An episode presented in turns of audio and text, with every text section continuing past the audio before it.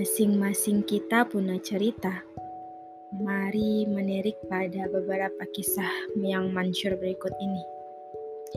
Ada cinta yang tak pernah bersatu sebab ingin bersetia. Khalifah Umar bin Abdul Aziz misalnya.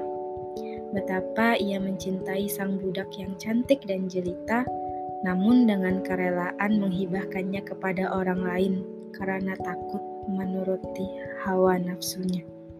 Memilih setia kepada istrinya, walaupun sang istri pun sudah merelakannya pula.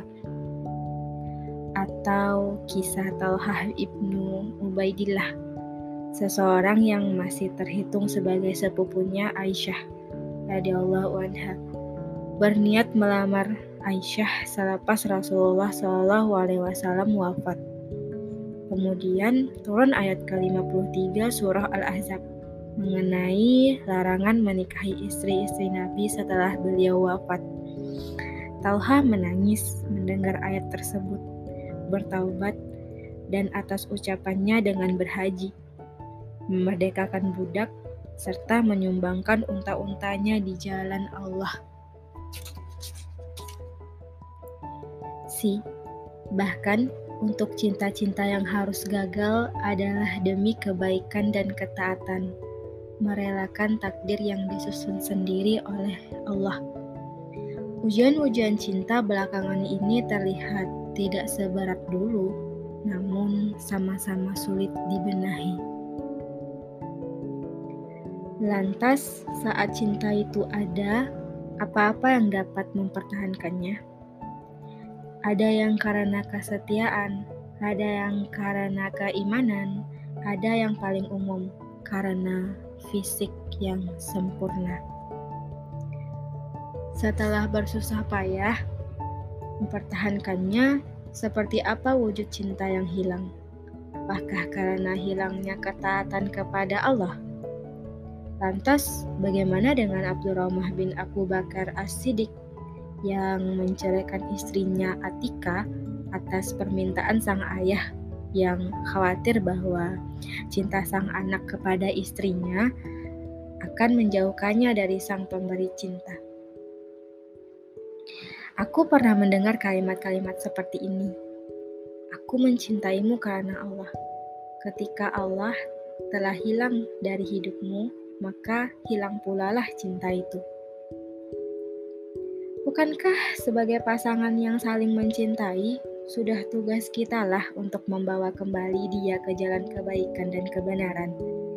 Betapa kita mendengar banyak cinta yang awalnya didalui dengan penuh kemaksiatan, lantas bersama-sama membina hubungan atas dasar kecintaan terhadap Tuhan yang bersama-sama berbenah dan lebih baik dari diri di masa lalu, menuju surga dan saling memegang erat.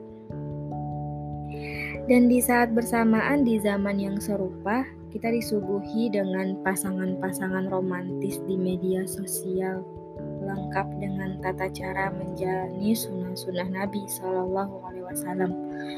Tuh tiba-tiba mereka berpisah secara baik-baik, katanya. Syaitan pandai sekali mem mempermainkan keadaan, memaksa manusia fokus pada cinta itu sendiri memamerkan tokoh-tokoh yang katanya menempuh jalan terbaik dalam mencintai diri sendiri dan menemukan kebahagiaan.